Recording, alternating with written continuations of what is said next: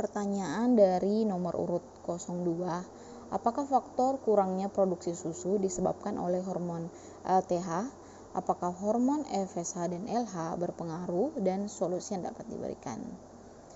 Jadi hormon LTH itu atau luteotropik hormon atau disebut juga dengan prolaktin ini berfungsi dalam sifat maternal behavior atau pengaturan sifat keibuan pada ternak dan juga dia menstimulasi kelenjar air susu atau mammary gland untuk menghasilkan air susu pada ternak ruminasia dan dia juga berfungsi dalam sistem kekebalan tubuh berfungsi juga dalam sistem metabolisme Nah, eh, ketika produksi susu kurang, jelas itu disebabkan karena kurangnya dari hormon LTH. Eh, kenapa?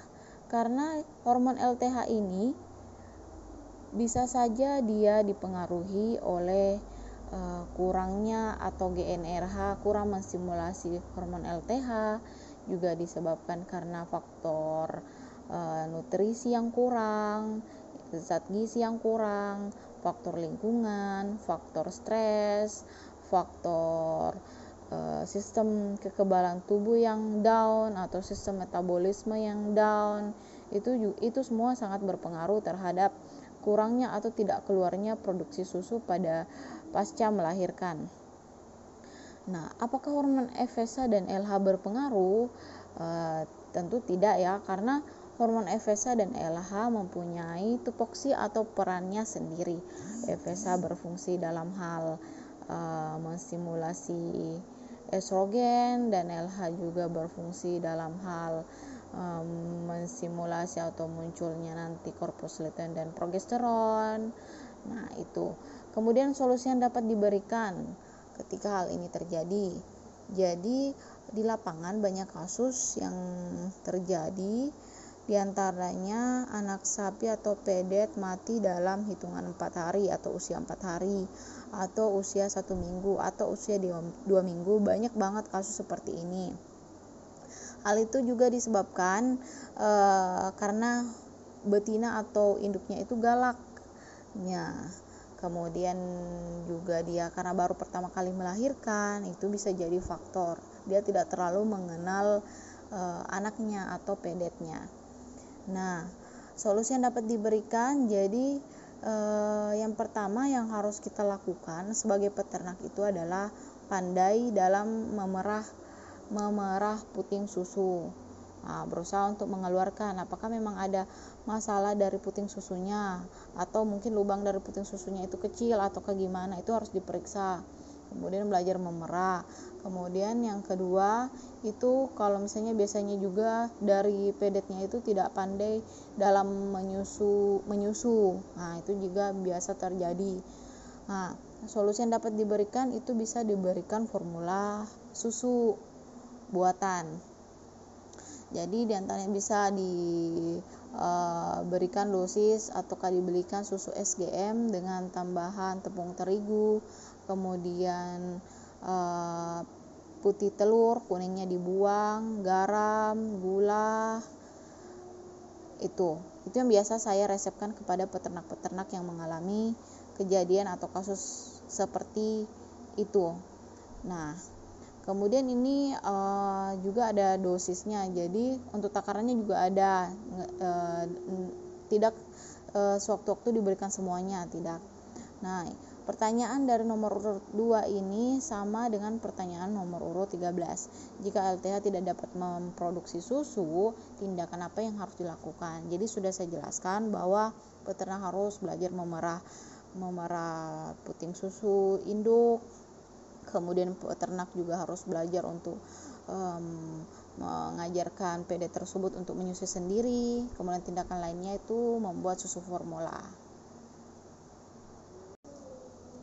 Pertanyaan dari nomor urut 03. Hipofisis menghasilkan 6 hormon, di antaranya FSH, LH, dan LTH. Tiga hormon lainnya apa saja dan fungsinya apa?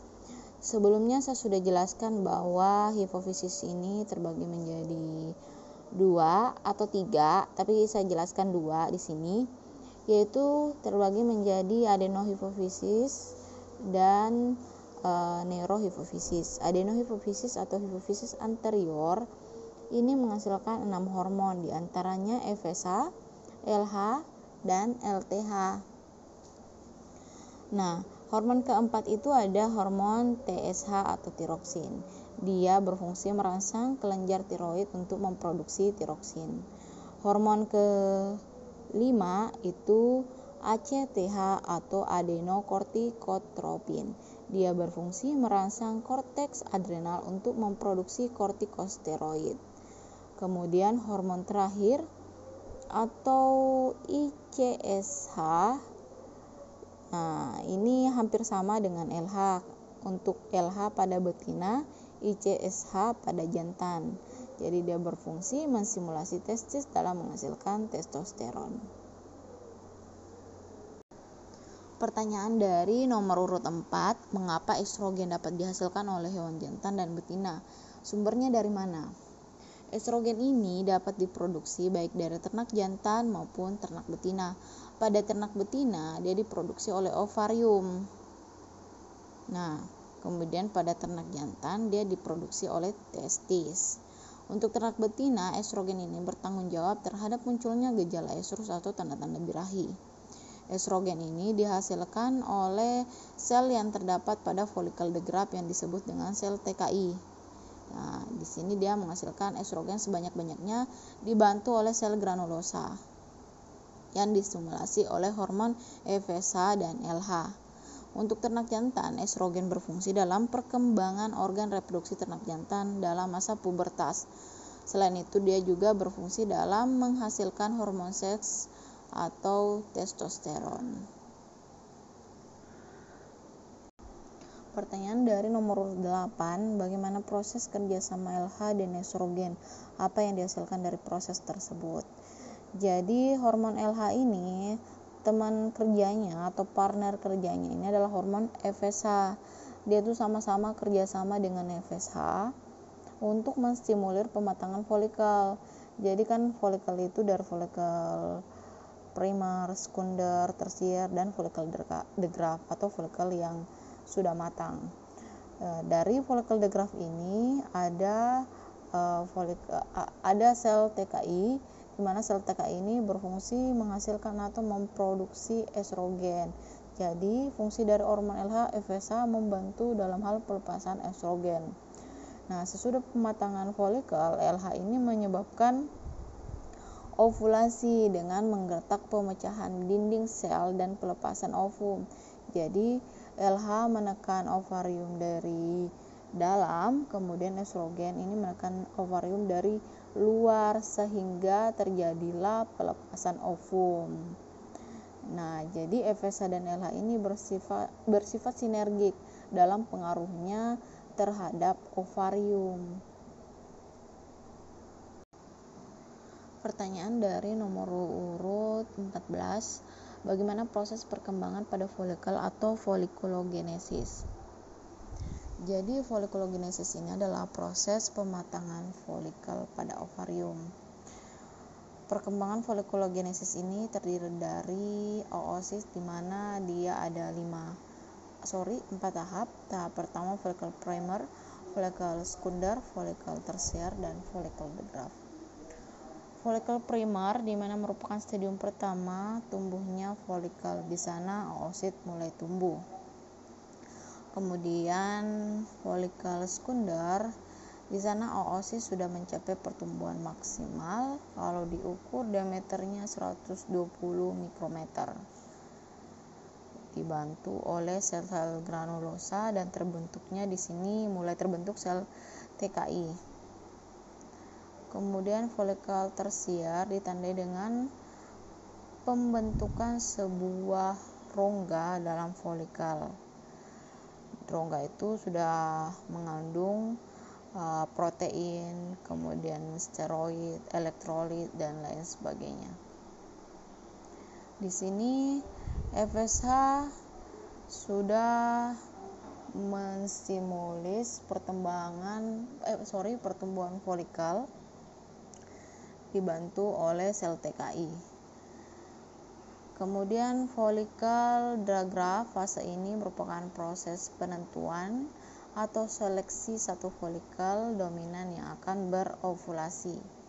Jadi di sini follicle diagram ini mana dia e, sel TKI dan sel granulosa sudah mencapai kematangan yang cukup sehingga sel TKI dan sel granulosa ini berhasil memproduksi dan menghasilkan estrogen sebanyak-banyaknya dalam follicle digraph ini.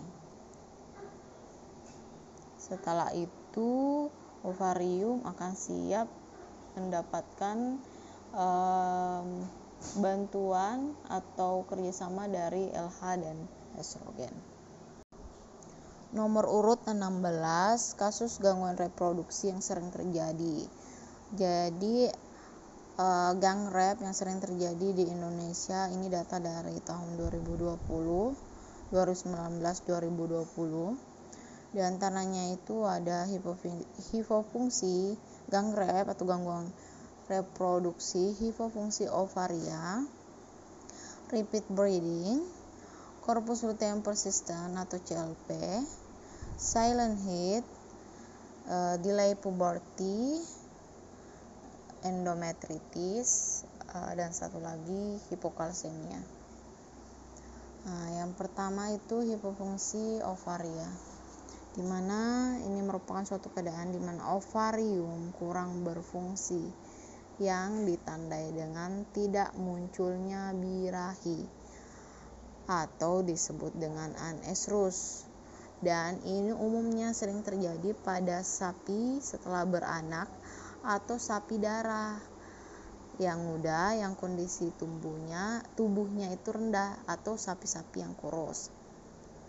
Kemudian repeat breeding adalah sapi yang mempunyai siklus esur normal, uh, jadi birahinya tepat dan sudah dikawinkan, dikawinkan lagi, eh, sudah dikawinkan tidak bunting, sudah dikawinkan tidak bunting, sudah dikawinkan berkali-kali tidak bunting. Itu yang disebut dengan repeat breeding. Kemudian korpus luteum persisten atau CLP ini adalah suatu keadaan di mana korpus luteumnya itu tetap dalam keadaan persisten dalam jangka waktu yang lama. Jadi ini disebabkan karena adanya gangguan terhadap uh, pelepasan prostaglandin dari dinding endometrium yang ditandai dengan uh, tidak adanya tanda-tanda birahi atau anestrus. Kemudian silent heat. Nah, ini sering juga terjadi di lapangan jadi suatu keadaan sapi yang tidak mem, tidak menunjukkan gejala birahi atau gejala estrusnya itu tidak jelas. Jadi semacam estrusnya itu kadang muncul dua bulan kemudian tiga bulan kemudian muncul lagi kemudian empat bulan kemudian muncul lagi seperti itu. Uh, kemudian delay puberty itu adalah keterba keterlambatan dewasi, dewasa kelamin yaitu suatu keadaan di mana induk eh bukan sapi yang sudah berusia di atas tiga tahun bahkan lima tahun itu mengalami uh, eh sorry dua tahun itu mengalami dewasa kelamin tapi belum pernah estrus walau umurnya sudah mencapai lebih dari dua tahun Nah, ini kita bisa tanda dengan palpasi rektal yang di mana ditemukan ovarium itu tidak beraktivitas. Kemudian endometritis. Endometritis adalah merupakan peradangan uterus yang paling ringan. Dan terakhir itu uh, hipokalsemia di mana ternak kekurangan kalsium yang banyak terjadi pada ternak yang kekurangan nutrisi, kekurangan kalsium, kekurangan pakan. Bisa juga banyak terjadi pada ternak ruminansia kecil atau kambing, domba, e, babi. Pertanyaan dari nomor urut 21, apa perbedaan siklus estrus dan siklus menstruasi? Jadi estrus itu dikenal dengan istilah birahi di mana siklus estrus ini terbagi menjadi empat fase. Fase pertama yaitu proestrus, kemudian estrus, kemudian metaestrus dan diestrus. Ini sudah saya jelaskan di semester 2 Jadi siklus birahi atau esrus ini terjadi pada hewan mamalia. Sedangkan siklus menstruasi juga disebut dengan istilah birahi, namun ini terjadi pada manusia dan primata. Pertanyaan dari nomor urut 23. Apakah GnRH atau gonadotropin releasing hormone mempengaruhi siklus birahi? Apabila tidak, hormon apa saja yang mempengaruhi siklus birahi? Jadi sangat jelas ya bahwa genera ini mempengaruhi siklus birahi. Kenapa? Karena genera ini dihasilkan di hipotalamus. Kemudian genera ini berfungsi dalam merangsang, mensintesis atau pelepasan hormon FSH dan LH. Kemudian FSH berfungsi dalam pematangan folikel yang nantinya berfungsi untuk memproduksi estrogen, kemudian LH dalam pembentukan ovum atau sel telur di ovarium di mana dibantu oleh estrogen. Kemudian estrogen ini ketika dia sudah muncul, maka terjadilah tanda-tanda birahi atau tanda-tanda atau siklus birahi terjadi. Nah, seperti itu. Nah, apabila tidak hormon apa sih yang mempengaruhi siklus birahi? Jadi kalau misalnya tanpa GnRH, maka FSH dan LH itu tidak aktif. Jadi tidak akan terjadi tanda-tanda birahi karena pusat utama yaitu hipotalamus kemudian mempengaruhi atau menstimulir atau menghasilkan GnRH kemudian dilanjutkan ke FSH dan LH kemudian dilanjutkan oleh pembentukan estrogen dan hormon-hormon lainnya di mana berfungsi dalam pembentukan e, ataukah penjagaan kebuntingan nantinya seperti itu. Pertanyaan dari nomor urut 19 bagaimana cara mengeksplorasi atau menganalisis secara langsung tentang masalah yang terjadi pada hormon-hormon reproduksi ternak unggas atau unggas betina. Unggas jantan atau unggas betina. Jadi kalau secara pengalaman e, untuk ayam petelur misalnya nih contoh ayam petelur bisa kita lihat dari e, ketika dia sudah bertelur kita bisa lihat dari bentuk dan ukuran telurnya atau cangkang telurnya Nah, kalau misalnya dia kekurangan uh, hormon estrogen. Nah, ingat hormon estrogen. Jadi, kan hormon estrogen di ternak unggas betina ini berfungsi sebagai perangsang pertumbuhan folikel. Kemudian dia juga berfungsi memproduksi kalsium, kandungan protein, lemak, zat gizi yang lainnya. Nah, itu bisa kita uh, amati dari situ. Jadi kalau misalnya ukuran telurnya kecil, bisa dia kekurangan kalsium atau untuk cangkangnya tipis, dia bisa kekurangan protein atau zat lainnya. Jadi dia kekurangan hormon estrogen. Nah, kemudian uh, jika uh, saluran daripada telur ayam uh, telur ini bermasalah. Jadi kita bisa dilihat di situ bahwa hormon yang bermasalah di sini adalah hormon progesteron. Ya, seperti itu. Nah, karena hormon progesteron ini sudah saya katakan bahwa berfungsi untuk menjaga saluran telur agar tetap berfungsi normal. Kemudian hormon LH atau luteinotropik hormon, di mana dia berfungsi dalam ovulasi atau pelepasan yolk pada uh, ternak unggas betina. Jadi kalau misalnya ada problem atau ada masalah dalam pelepasan yolknya, ya jadi hormon yang bermasalah itu adalah hormon LH. Jadi seperti itu. Tapi uh, untuk pemberian atau penanganannya itu bisa kita antisipasi dengan pemberian vitamin atau uh, pakan yang e, mengandung e, banyak nutrisi kalsium protein e, dan lain sebagainya. Kemudian juga kalau misalnya kita bisa juga untuk menganalisis secara langsung bisa dilakukan pembedahan. Itu bisa kita lihat organ reproduksinya secara langsung bagaimana bentuknya. Pertanyaan dari nomor urut 35 apa bisa hipotalamus tidak bekerja dengan baik? Bagaimana dampak terhadap hormon? Uh, tentu bisa ya kalau misalnya ternak tersebut stres, kemudian tidak mendapatkan pakan yang baik, ataukah dia dalam perjalanan kemudian berpindah tempat berpindah kandang berpindah tempat eh, tempat tinggal kemudian lingkungan perubahan suhu kemudian jatuh kemudian faktor kecelakaan.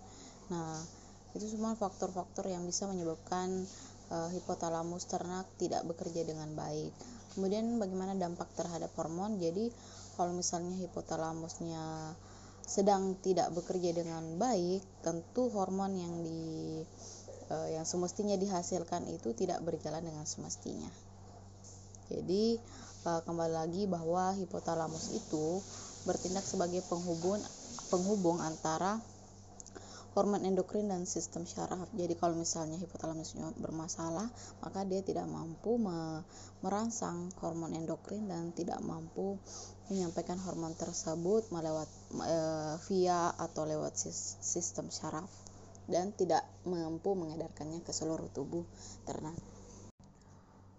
Pertanyaan dari nomor urut 32. Akibat salah satu produksi hormon dalam keadaan rendah misalnya estrogen apakah berakibat fatal untuk ternak betina jadi kalau misalnya estrogen dalam tubuh ternak statusnya keadaannya rendah atau tidak maksimal maka yang terjadi itu tanda-tanda birahi tidak muncul atau ternak tidak ada keinginan untuk melakukan perkawinan nah e, dikarenakan karena apa jadi mungkin saja kelenjar hipotalamus atau kelenjar hipofisa tidak bekerja dengan baik sehingga dia tidak mampu menstimul, menstimulasi hormon FSH dan LH uh, terutama hormon FSH untuk memperkuat uh, folikel untuk memproduksi hormon estrogen. Nah, seperti itu. Jadi ada pengaruh dari mungkin kelenjar hipotalamus atau hormon FSH sehingga hormon estrogen itu tidak uh, dalam keadaan maksimal. Pertanyaan dari nomor urut 27. Mamalia memiliki 8 estrogen. Adakah peristiwa di mana mamalia tersebut tidak memiliki cukup 8 estrogen dan apa dampaknya? Jadi hampir sama dengan ruminansia, cuman mamalia ini kan dia berdasarkan penelitian memiliki 8 estrogen. Di antaranya itu adalah estradiol. Nah, kalau misalnya dia dalam keadaan tidak cukup, tentu juga berakibat pada faktor reproduksinya apakah e, kemungkinan tanda-tanda birahi atau keinginan untuk melakukan perkawinan tidak mampu dilakukan oleh ternak seperti itu. Jadi sama dengan ruminansia. Jadi kalau misalnya estrogen dalam tubuh tubuh ternak ruminansia itu tidak cukup tentu berpengaruh pada tanda-tanda birahi atau keinginan kawin seperti itu. Pertanyaan dari nomor urut 22, pada saat tidak terjadi kebuntingan, apakah ada hormon yang tidak berperan maksimal atau faktor luar? Jadi saat tidak terjadi kebuntingan, kalau untuk faktor luar itu bisa karena faktor gangguan reproduksi. Jadi, uh, nah gangguan reproduksi di Indonesia di antaranya itu ada disebut dengan hipofungsi ovaria, di mana ovariumnya itu tidak berfungsi dengan ditandai tidak munculnya birahi atau anestrus. Nah, kemudian gangguan reproduksi kedua repeat breeding, jadi sapi memiliki siklus esro normal dan sudah dikawinkan berulang-ulang kali namun tidak bunting. Jadi penyebabnya itu terjadi pada kegagalan fertilisasi atau kematian embrio dini. Kemudian yang ketiga, corpus luteum persisten atau CLP di mana keadaan korpus luteumnya atau CL-nya itu persisten namun adanya gangguan terhadap produksi dan pelepasan prostaglandin dari endometrium endometrium yang ditandai dengan sapi tidak menunjukkan birahi sehingga korpus luteumnya lisis. Jadi ini kebanyakan terjadi sehingga tidak terjadi bunting Kemudian silent heat ini menunjukkan gejala estrus namun uh, ketika di palpasi itu aktivitas ovariumnya itu tidak adanya tidak terbentuk korpus luteum atau folikal. Kemudian keterlambatan dewasa kelamin di mana sapi sudah berumur tapi tidak adanya gejala estrus. Kemudian ada endometritis di mana merupakan peradangan uterus sering terjadi juga dan hipokalsemia atau kekurangan kalsium. Jadi walaupun uh, estrusnya birahi ada terus dikawinkan namun karena ada terpapar hipokalsemia nah yakni kekurangan kalsium jadi kamu jadi e, kebuntingan tidak terjadi itu beberapa faktor gangguan reproduksi di mana menghubungkan hormon e, prostaglandin atau progesteron sehingga tidak terjadinya kebuntingan. Pertanyaan dari nomor urut 26 pada saat tidak bunting apakah ada pengaruh dari mekanisme hormon reproduksi. Jadi pertanyaan nomor 26 ini sudah saya jawab di pertanyaan nomor 22. Jadi bisa dengar di uh, pertanyaan dari nomor urut 22 ya. Pertanyaan dari nomor 29 Jelaskan faktor kegagalan reproduksi dan penyebab faktor kegagalan reproduksi, serta penanganan apa yang dilakukan pada ternak saat kelahiran dan pasca kelahiran. Uh, untuk kegagalan reproduksi itu banyak hal yang mempengaruhi bisa disebabkan karena adanya gangguan reproduksi di mana gangguan reproduksi itu ada yang disebut dengan hipofungsi ovari, ovarium, kemudian repeat breeding, corpus luteum, persistent silent heat, uh, kemudian keterlambatan dewasa kelamin, endometritis dan lain sebagainya atau terpapar penyakit um, penyakit bakterial, parasit, virus, uh, dan lain sebagainya itu itu beberapa faktor kemudian bisa juga disebabkan karena faktor lingkungan stres kondisi fisik atau kondisi tubuh daya tahan tubuh menurun. Itu semua berpengaruh. Nah, kemudian hormonal hormonal saat hormonal yang mempengaruhi sistem reproduksi tidak mencukupi itu juga berpengaruh. Nah, jadi kemudian uh, penanganan apa yang bisa dilakukan sebelum kelahiran? Jadi kita bisa memberikan ternak atau uh, induk induk uh, yang sedang bunting tua uh, kondisi kandang yang bagus, kemudian pakan yang uh, mencukupi, kemudian minum juga, jangan sampai dehidrasi, kemudian tempat kelahiran juga harus diperhatikan dibersihkan jangan sampai terpapar kotoran uh, sebelum itu juga perlu dibersihkan uh, apa uh, ternaknya juga kalau perlu dimandikan dulu seperti itu. Nah kemudian uh, pasca kelahiran nah ini yang kadang luput diperhatikan oleh peternak di mana um, saat kelahiran itu ternaknya jauh. Misalnya ada ternaknya itu ada di di tengah-tengah sawah. Nah itu sebenarnya tidak baik. Jadi kalau misalnya sudah tahu bahwa usia kebuntingan ternak itu sudah memasuki umur 9 bulan ataukah mendekati 9 bulan nah itu sebaiknya ternaknya ditaruh di dekat rumah kah ataukah dekat kandang kah ataukah di dalam kandang kah. Nah jangan di tengah-tengah sawah. Karena biasanya yang terjadi ketika ternak ataukah sapi uh, induk ini lahir lahirkan tengah-tengah sawah anaknya mati karena tidak mendapatkan uh, susu pertama atau kolostrum pertama. Tidak melihat susu eh, tidak melihat puting susu induknya. Nah itu bisa terjadi akhirnya pedetnya mati ataukah kekurangan kolostrum. Nah itu yang bisa terjadi.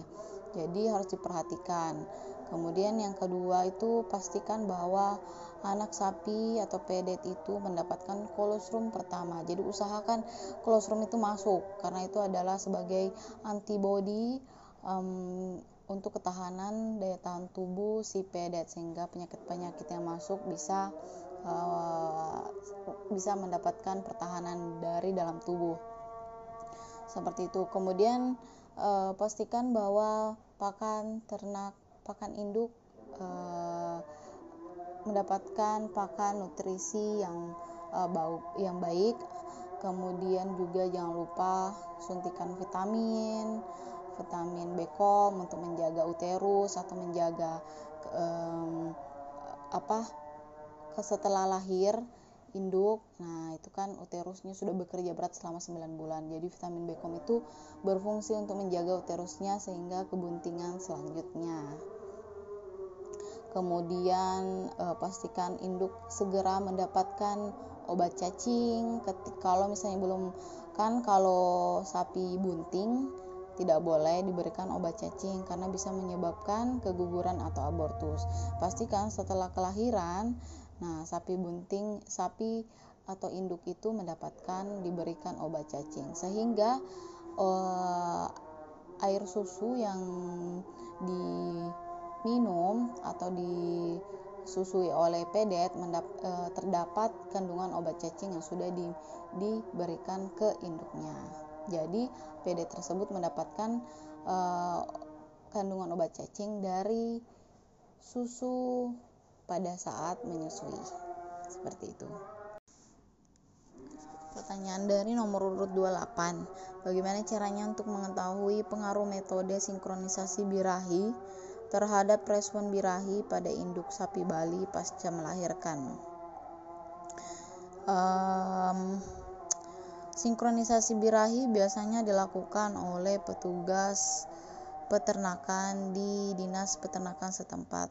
Biasanya sinkronisasi birahi ini dilakukan secara serempak ketika mendapatkan uh, dana ataukah hormon dari dinas pusat atau dinas provinsi. Nah, ini biasanya dilakukan dua kali setahun, akhir Juni atau akhir tahun. Jadi biasa dilakukan pada waktu-waktu tersebut. Nah, jadi responnya yaitu pastikan uh, kita mendata dulu.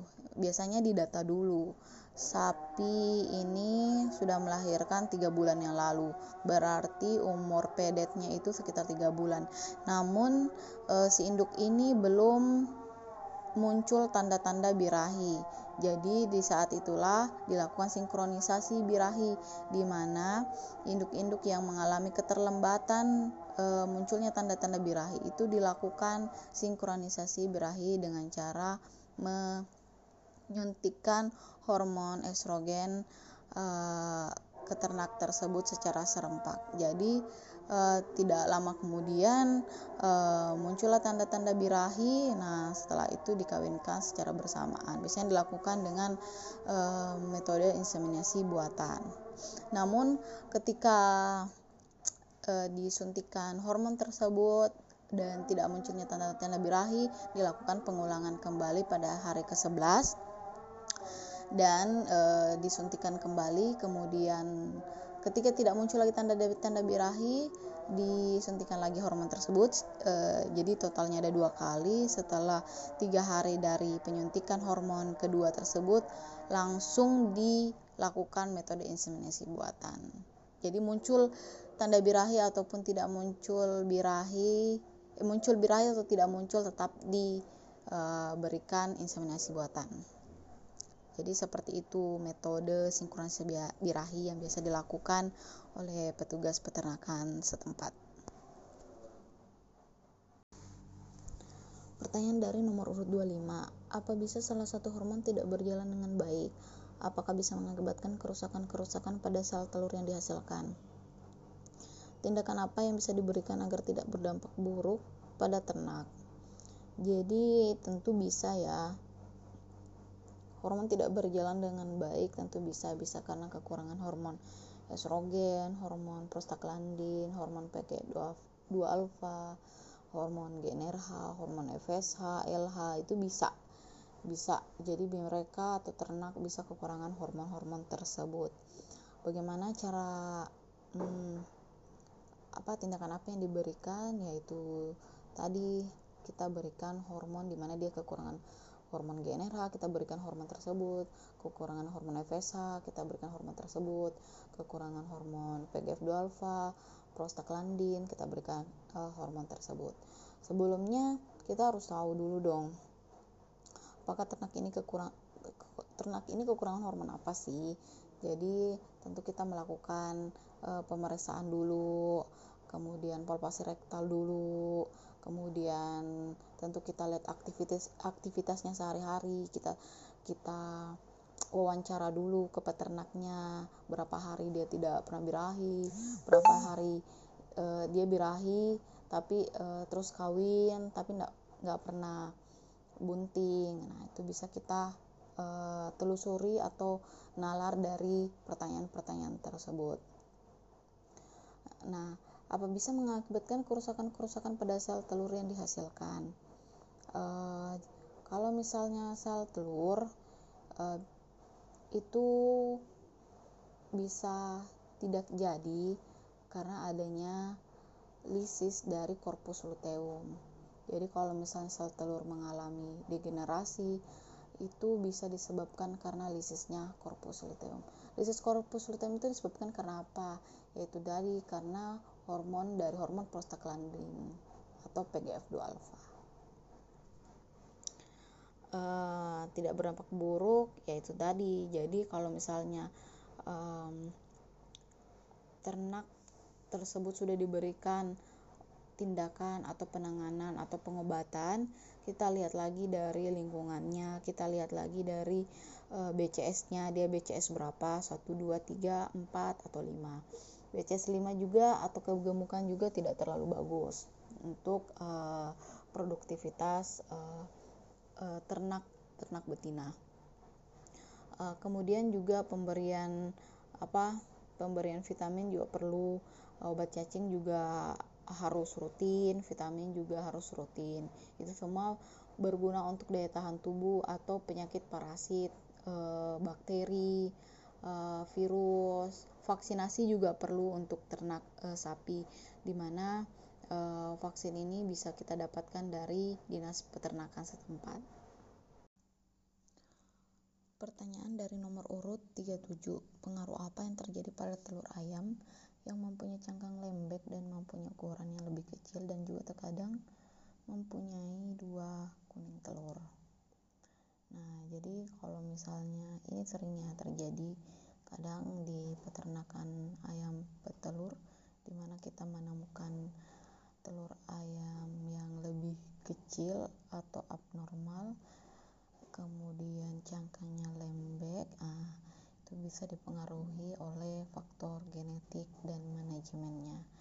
Beberapa faktor dari hal faktor manajemen itu karena standar makan ya atau standar pakannya kemudian e, nutrisi ransum yang terdapat pada pakannya. Jadi untuk nutrisi itu sendiri harus memenuhi dari segi proteinnya, kemudian lemaknya, kemudian asam lemak, kemudian asam amino, kemudian mineral, kalsium, fosfor.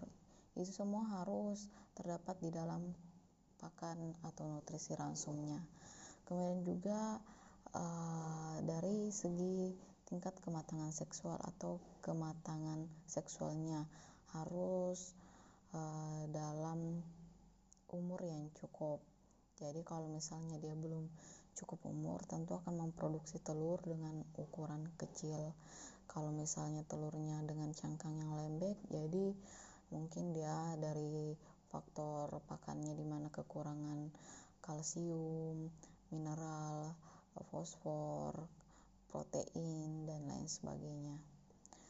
Untuk telur yang memiliki dua kuning telur atau kasus double yolk, nah itu bisa disebabkan dari faktor genetik juga, tapi ini kejadiannya jarang di lapangan. Dalam mungkin 2000 ekor ayam misalnya, ayam yang bertelur seperti itu dengan memiliki dua kuning telur itu biasanya mungkin 10 10 banding 10 ekor banding 20 2000 ekor. Jadi ya kejadiannya satu banding seribu lah seperti itu. Nah, ini disebabkan juga uh, biasanya pada ayam-ayam muda yang baru belajar bertelur dan ayam yang memiliki bobot badan besar. Nah, itu dia.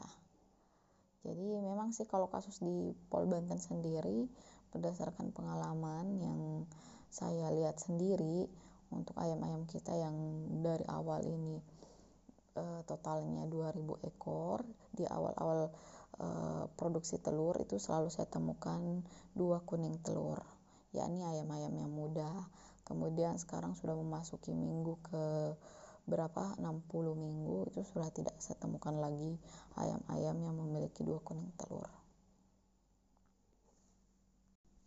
Pertanyaan dari nomor urut 36 cara kerja hormon dengan baik.